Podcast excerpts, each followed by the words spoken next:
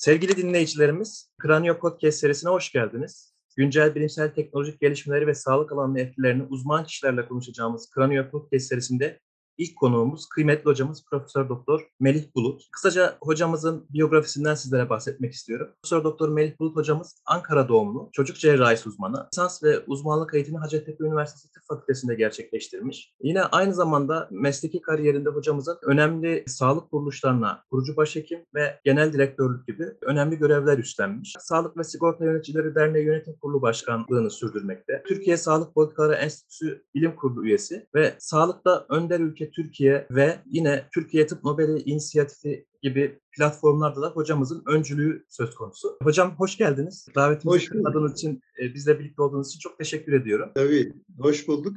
Ben yalnız dernek başkanlığı ve TÜSEP Bilim Kurulu üyeliğinden ayrıldım. Tamamen sivil vatandaşım. Tabii dernekle yakın ilişkilerim devam ediyor ama TÜSEP Sağlık Politikaları Bilim Kurulu üyeliğini bıraktım. Evet. Biyografiyi internetten alınca hocam ya evet. evet o eski bir biyografi. Evet. Olabilir hiç sorun değil. Zaten geçmişte çok ilgili değilim biliyorsun. Gelecek evet. daha çok. evet hocam. Bundan sonra yapabileceklerimiz önemli. Evet hocam. Şöyle bir soruyla başlamak istiyorum hocam aslında. E, tabii ki yani şu an günümüzde teknolojik gelişmeler o kadar hızlı bir şekilde e, hayatımıza dokunuyor ki e, tıpta da sağlık alanında da bunun etkilerini görme, görmemek imkansız. Yani bir yandan e, yapay zeka tabii ki çok önemli bir nokta olarak inovasyonun merkezinde yer alıyor. Onun dışında e, blockchain konuşuluyor, metaverse konuşuluyor.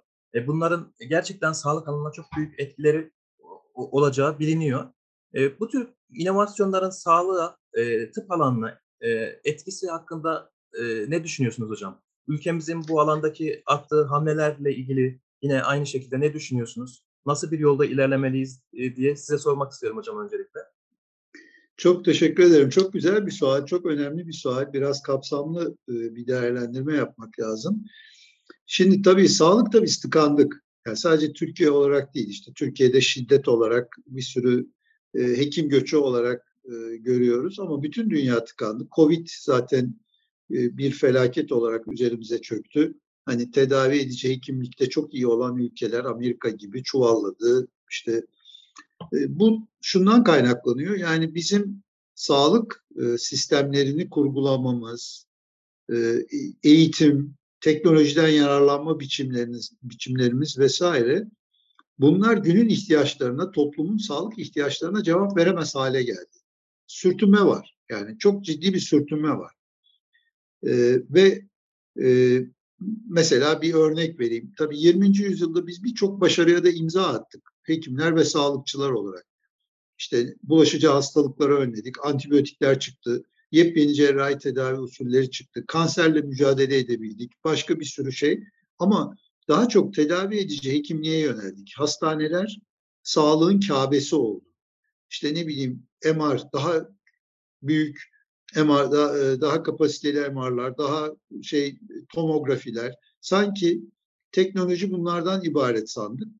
E, ama e, sağlığın tanımını yapmamızı sağlayacak sağlıklı bir insanın örneğin e, çalışmalar çok geride kaldı. Temel bilim araştırmaları vesaire. Ama 2000'lerden itibaren senin de işaret ettiğin gibi teknolojinin hızlıca hayatımıza yani bilimdeki ilerlemelerin teknolojiye ve teknolojinin de hayatımıza girmesiyle her şey bir anda hızla değişmeye başladı.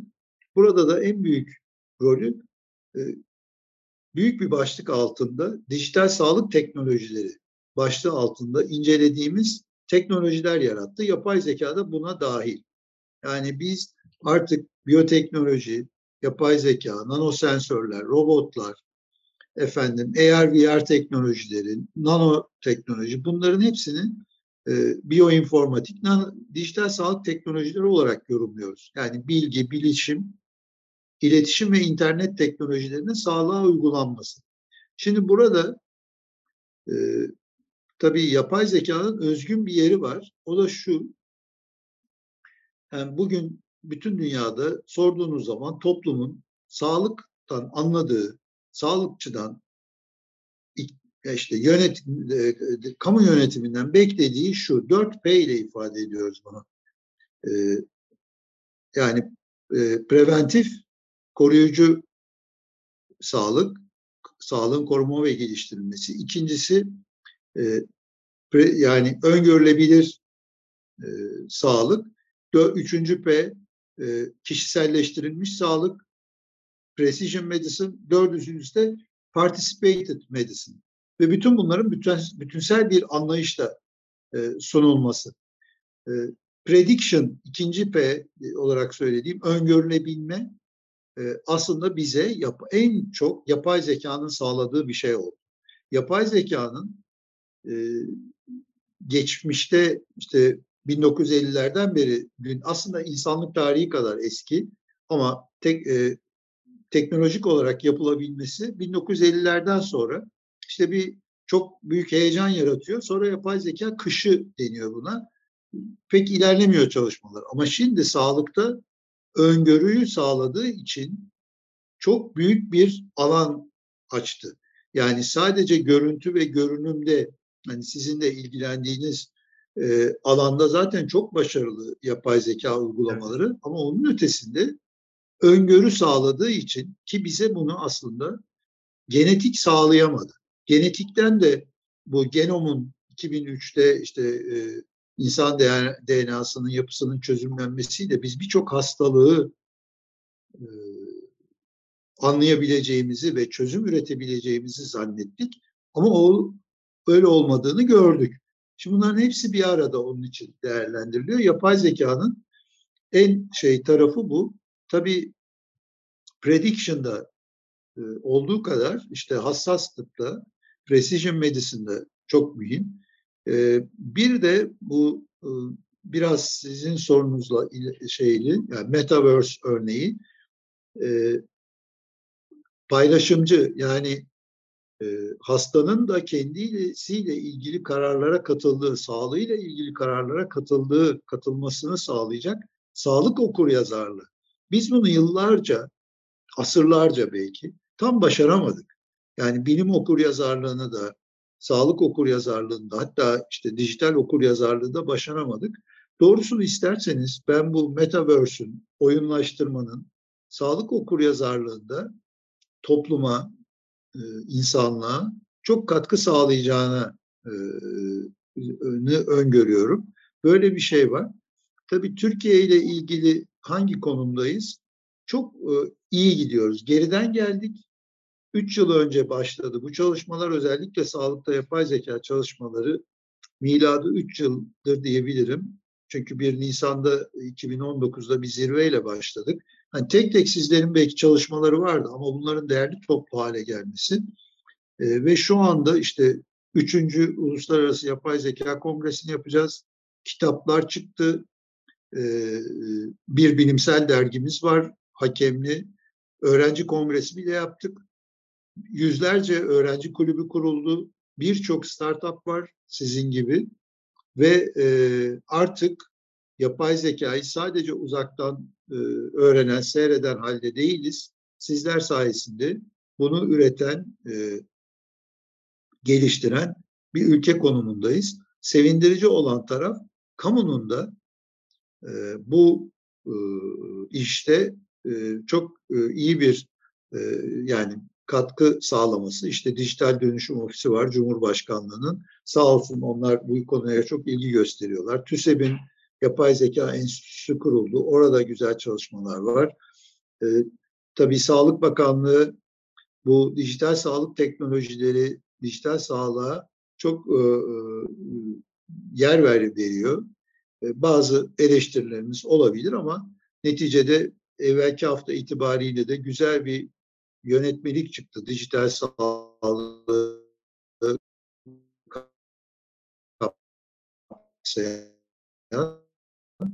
e, yeterli karşılıklı yaşayarak, konuşarak e, halledeceğiz. Ama e, 5G geldiği zaman uzaktan robotik cerrahiye olanak verecek bir madde dahi koymuş arkadaşlarımız. Onun için e, Türkiye'de mesela bir örnek vereyim size. Çok hoşuma giden bir şey. Biz bu Sağlıkta Yapay Zeka Öğrenci Kongresi'ni düzenlerken TÜBİTAK Başkanı'na, TÜSEP Başkanı'na e, ve Sağlık Bakanlığı e, Bakan Yardımcısına konuyla ilgili e, Şuayip Bey'e e, talepte bulundu arkadaşlarımız konuşma yapar mısınız diye. Konuşma yaptılar. Zaman ayırdılar. Ve tabii bu kongreyi düzenleyen bizler için, genç arkadaşlarımız için ve katılımcılar için hem çok şey öğretici hem de çok ben daha da önemsediğim moral verici bir durum oldu. Yani e, burada e, kamunun da devlet yetkililerimizin de bu konuyla ilgilendiği zaten biliyorsunuz bir devletimiz de yapay zeka strateji belgesi ortaya koydu. Evet. E, bunlar hep e, güzel gelişmeler. E, inşallah bundan sonrası daha da güzel olacak. İnşallah hocam. Daha önceki sohbetlerimizde de sizle konuşmuştuk hocam. Hani işte e, Türkiye'nin gerçekten yapay zeka alanında hem insan kaynağı olarak hem de işte e, yapay zekanın merkezinde aslında veri de yer aldığı için çok büyük bir potansiyelimiz var tıbbi veri açısından da. E, e, biyoteknoloji alanında e, gelişmek, bu, e, yapay zekadaki e, süreçle e, paralel gitmesi daha zor aslında baktığımız zaman. Onun için yapay zeka alanı, bu bilişim alanı aslında ülkemizdeki o dijital sağlık hizmetlerinin geliştirmesi açısından da çok büyük bir potansiyele sahip.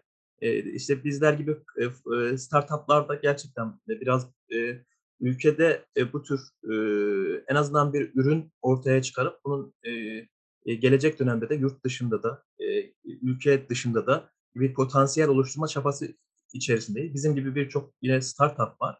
Bu açıdan da sevindirici dediğiniz gibi. Yapay zeka ile ilgili olarak hocam mesela e, alttan gelen neslin e, yetiştirilmesi, bu alanda farkındalığın oluşturulması çok önemli. Biraz önce de bahsettiniz.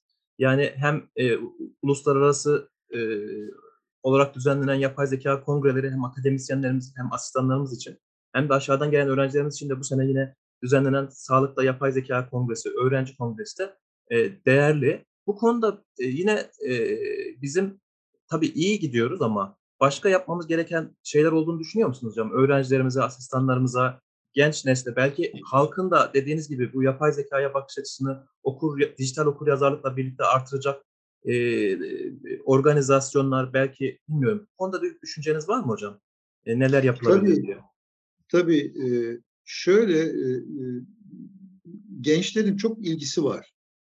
Yani öğrenci arkadaşlarımızdan e, arkadaşlarımızı kastediyorum ve e, yani şu anda neredeyse benim konuşma yapmadığım e, üniversite kalmadı diyebilirim. Online'ın da sağladığı kolaylıkla ve birçok üniversitede yapay zeka kulüpleri, bilimsel teknoloji kulüpleri kuruldu. Bunlar da harıl harıl faaliyet yapıyorlar, projeler üretiyorlar.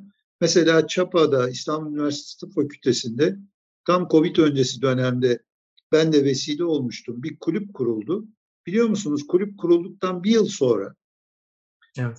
e, radyoloji kongresini hocalarıyla beraber düzenledi. Yani bütün yükünü öğrenci arkadaşlar taşıdı.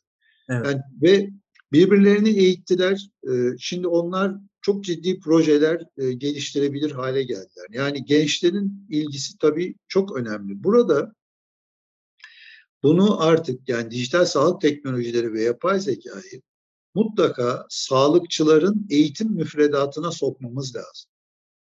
Burada çok güzel geçmişte de bazı örnekler var. Mesela Marmara Tıp Fakültesi'nde bu seçmeli ders olarak konmuş. İstanbul Üniversitesi Tıp Fakültesi'nde keza öyle. Cerrahpaşa'da bazı çalışmalar var. Ama artık bunu bütün fakülte, mesela hemşirelik, işte Bilgi Üniversitesi e, çok bu konuda güzel, Acıbadem Üniversitesi. Bu artık yani eski, ben mesela 19-20 Mayıs'ta bir tıp eğitimi kongresine katılacağım. Orada da bunu vurgulayacağım. Yani eskiyi de öğretmek zorundayız. Diyelim ki fizyoterapist eğitiyoruz. Yani bizim eskiden bildiğimiz fizyoterapiyi de öğreteceğiz ama dijital sağlık teknolojilerini de öğreteceğiz.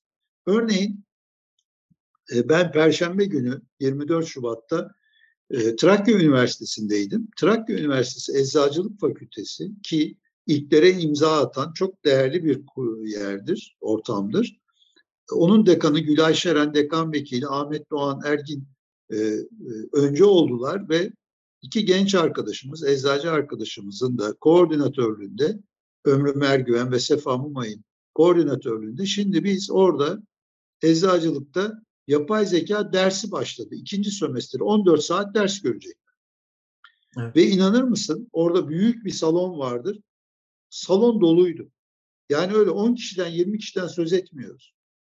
Eczacı kardeşlerimiz, öğrencilerimiz bu dersi almaya gelmişler. Şimdi buradan ben öğretim üyelerine de seslenmek istiyorum. Yani eski benim gibi eski öğretim üyeleri. Tamam eskiyi de öğretin ama yeniyi de öğrenmeleri lazım. Ve bunu evet kendi olanaklarıyla da öğrenilebilir. Çok fazla kurs var işte. Udemy var, Coursera var, şunlar var, bunlar var. Birçok kurum var Türkiye'de, insan var. Fedakarca bu çalışmaları yapıyor ama yetmez. Yani resmi eğitim müfredatında da bunların, bu dijital sağlık teknolojilerinin ve yapay zekanın artık olması lazım. Yani bu en azından karar destek sistemi olarak yani önünde çünkü çocuğun 40 yıl bir meslek hayatı var. Bunlarla iç içe çalışacak. Karar destek sistemi yanı başında olacak. Değil mi? Yani bugün artık bir radyoloji e, uzmanı her yerde bulamıyoruz. İşte bir tomografiyi değerlendirmek için hemen yapay zekayı kullanın, inme mi değil mi, kanama mı, damar tıkanması mı size söylesin. Yani bunlar artık çok kolay e, yapabileceğimiz şeyler. Ve gençlerin hevesi varken, bakın bu çok kritik. Yani zorla bir şey yapamazsınız. Zorla, hele bu kuşağı, sen biliyorsun, öğretim üyesisin. Zorla bu kuşağa bir şey öğretmek mümkün değil. Onun için ben öğretim üyesi arkadaşlarıma diyorum ki siz değişin. Çocukları değişmeye zorlamayın özellikle bu asistan eğitiminde bilhassa cerrahi branşlarda çok istifa oluyor. TUS'u kazanıyor, çocuk giriyor, yüzde elliyi geçiyor istifalar. Birçok bölümde kadın doğumda, şurada burada birçok klinikte asistan bulamıyorlar. Sebebi mobbing. O mobbingin de sebebi illa ben seni beni yetiştiren hocalarımın beni yetiştirdiği gibi yetiştireceğim. Hayır kardeşim bu çocuklar öyle yetişmiyor, öyle anlamıyorlar. Öyle evet. çalışmıyor bunların kafası. Bunlar teknolojinin içine dolmuş değil mi? Dijital ne diyorsunuz? Göçmen bir şey mi? Biz biz öyle değiliz. Biz sonradan öğrendik. Yani onun için burada bu sürtünmeyi azaltmak lazım. Bu sürtünme azalırsa hakikaten bir de bundan korkmamak lazım. Tabii bunun adı yanlış konmuş. Yani bu yapay zeka lafı yanlış olmuş. Kim koyduysa bunu bilmiyorum.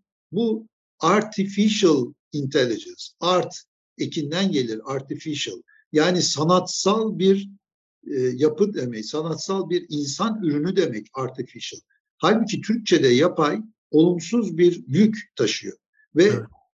Yapay zeka bizim işimizi alacak mı? En uyuz olduğum sual bu. Evet, en kızdığım bu, sual bu. soruyu yani her... eğer sen bundan sen bundan yararlanmasını bilmezsen e, senin işini alır. Yani evet. yok öyle bir şey. Sen bunu e, iyi uygulamazsan robot hekim haline gelirsin. Robot hemşire olursun diyorum ben. Robot hemşire bizim işimizi alacak mı? Evet sen bunu beceremezsen alır. Onun için bu e, e, bir de senin işaret ettiğin bu veri konusuna değinmek istiyorum. E, gerçekten sizlerin en çok ihtiyacınız olan şey veri ve temiz veri. Bu bizde eksik. Yani hem biz e, hastadan e, veri toplarken hatalarla dolu topluyoruz bunu hem de sonrasında bu veriyi paylaşmaktan da imtina ediyoruz. Yani mesela şu anda bizim Sağlık Bakanlığı'nın elinde Medulla'da dünyanın en büyük sağlık verisi var ve hiç kimse doğru dürüst bunu kullanamıyor. Yani buradan çıkmış doğru dürüst bir araştırma yok. Bu çok acı. Yani bundan bir, bir türlü bir şekilde bunu çözmemiz lazım. E, anonimleştirir misiniz? Şu mu olur, bu mu olur bilmiyorum ama bu bunun e, yapılması lazım. Yani bu çok kritik. Bir konuyu daha işaret ettin. Hakikaten biz sadece burada kendimize yönelik çalışma yapmamalıyız. Yurt dışı çok önemli. Biz artık sağlıkta önder bir ülkeyiz. Yurt dışına ışık saçıyoruz. Burada hasta tedavi ediyoruz. Yapay zeka konusunda da onları eğitmeli, onlarla beraber olmalı, yardımcı olmalıyız. Mesela ben Azerbaycan'daki kardeşlerimize e, öğrenci, asistan, lisans, doktora gruplarına çok konuşma yaptım. Onlar da sizler kadar hevesli. Hep e, bu işleri de hiçbir zaman ihmal etmemelisiniz diye düşünüyorum. Evet hocam, çok sağ olun. Yani hocam biraz önce de bahsettiğiniz gibi aslında e, hep e, tüm yapay zeka toplantılarında klasik bir soru var. Yapay zeka bizim yerimizi alacak mı? Orada o e, artificial intelligence kelimesinin kökenine inip e, çok güzel bir yaklaşımla onu açıkladınız. Gerçekten öyle. Bu soru hep geliyor. Öğrencilerimiz de soruyor. İşte to- konuşma yaptığımız toplantılardan sonra da soruluyor. Ama halbuki teknolojinin önünde durmanın imkanı yok. Hani sosyolojinin önünde duramadığınız gibi teknolojinin de önünde durma şansınız yok. Bu, e, bir şekilde bizim hayatımız içerisinde çok yakın zamanda yer alacak. Yani zaten yer almaya başladı. Buna göre kendimizi, kurumlarımızı, öğrencilerimizi yetiştirmemiz lazım. Özellikle e, belki e, bir son söz olarak hocam şeyi size sormak istiyorum. Mesela öğrencilerimden bana çok şey talep geliyor mesela. Şöyle bir soru geliyor. Hocam ben yapay zeka yazılıma çok ilgiliyim. Diş hekimliği fakültesi öğrencisi, tıp fakültesi öğrencisi. Ama ne yapmam lazım? Nasıl bir kariyer planı çizmem lazım? İşte bu noktada özellikle tabii yine ülkemizde, üniversitelerimizde yüksek lisans e, medikal e, informatik diye bir alan artık doğdu. Yüksek lisans belki doktora eğitimleri de verilmeye baş, başlanıyor. Ya, yapılan yerler de vardı. Bu alanları öğrencilerimizi yönlendirip ve tıp bilişimi alanında uzman e, işte e, hem araştırmacı hem de e, bu alana gönül vermiş insanları yetiştirmenin de faydalı olacağını düşünüyor musunuz hocam? Hani böyle bir hem YÖK nezdinde hem ülkemizin stratejisi içerisinde sağlık çalışanları içerisinde yani hekimlerin, e, hemşirelerin, eczacıların e, gireceği böyle bir uzmanlık alanının doğmasının gelecekte fayda sağlayacağını düşünüyor musunuz hocam? Çok çok çok fazla fayda sağlayacak. Zaten e, yani e, iş oraya doğru gidiyor. Yani mesela bilişim hemşireliği, bilişim eczacılığı hani böyle söylüyor arkadaşlar. Bunun derneği var işte bilişim eczacılığı bile yaygınlaşıyor. Zaten tıpta artık o kadar e, iç içe ki e, temel bilim araştırmalarında artık yapay zekasız hiçbir şey derin öğrenme kullanmadan hiçbir şeye hiçbir bilimsel bilgi üretmeniz mümkün değil. Yani bu e, bunlar artık çok e, bilinen rutin hale gelen konular. Bunu bilmeyen kim? Benim gibi yaşlı öğretim üyeleri. Ve bunlar maalesef karar verici pozisyonda. Ama onlar da öğrenecek. Ben öğrenci kardeşlerime diyorum ki baskı yapın. Ve bir anda değişimi beklemeyin. Yani her şeyi de hocalardan ya da yönetimden beklemeyin. Siz kulüp kurun, baskı yapın. Zaten etrafta olan biten, yani 2030'da bütün sektörler yapay zekadan etkilenecek. Yapay zeka daha doğrusu bütün sektörlerin içine girecek. Dijital, bakın biz 2019'da Sağlıkta Dijital Dönüşüm İnisiyatifi diye bir inisiyatif oluşturduk. Birkaç arkadaşımla beraber. Toplantılar yaptık. Rapor, müthiş güzel bir rapor yayınladık. Ve bunu devlet yetkililerine, üniversitelere, ilgili insanlara ulaştırdık. Kimse tınmadı. Hastanelere ulaştırdık. Sonra Covid bir patladı. Hastalar hastaneye gidemez oldu. Herkes teletıpçı oldu. Şimdi bu artık dediğin gibi teknoloji bir kere şey yaptı mı önünde duramıyorsun. Tsunami etkisi yaratıyor. O, bu o yüzden bunu e, tabii e, şöyle de bir şey var. E, yani arkadaşlarıma benim genç arkadaşlarıma önerim her türlü bilgi kırıntısından faydalansınlar. İşte seni takip etsinler. LinkedIn'de sağlıkta yapay zeka grubumuz var. Yani sosyal medya iyi kullanıldığı zaman muazzam bir öğrenme yeri.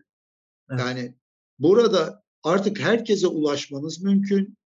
Bir şekilde e, her türlü bilgiye ulaşmanız mümkün ve bunu ücretsiz sağlamanız mümkün. Ben ulaşabiliyorsam onlar haydi haydi ulaşır. O nedenle sosyal medyayı iyi kullanarak, zamanı iyi kullanarak, ortamların gelişmesine katkı sağlayarak. Yani gelecek sana, ya hocam işte biz de bir şeyler yapmak istiyoruz ama senin e, seni motive ederek, senin vaktini daha iyi kullanmanı sağlayarak, yani herkes burada kazanarak e, ilerleyecek ve e, çığ gibi büyüyor hakikaten e, yapay zeka çalışmalarımız sağlıkta Türkiye'de. E, bir de burada mesafe şeyi yok. Yani e, diyelim ki Eskişehir'deki arkadaşımız Kütahya ile çok rahat proje yapabilir ya da Konya ile İstanbul proje yapabilir. Fiziki evet. olarak bir araya gelmeye bile gerek yok.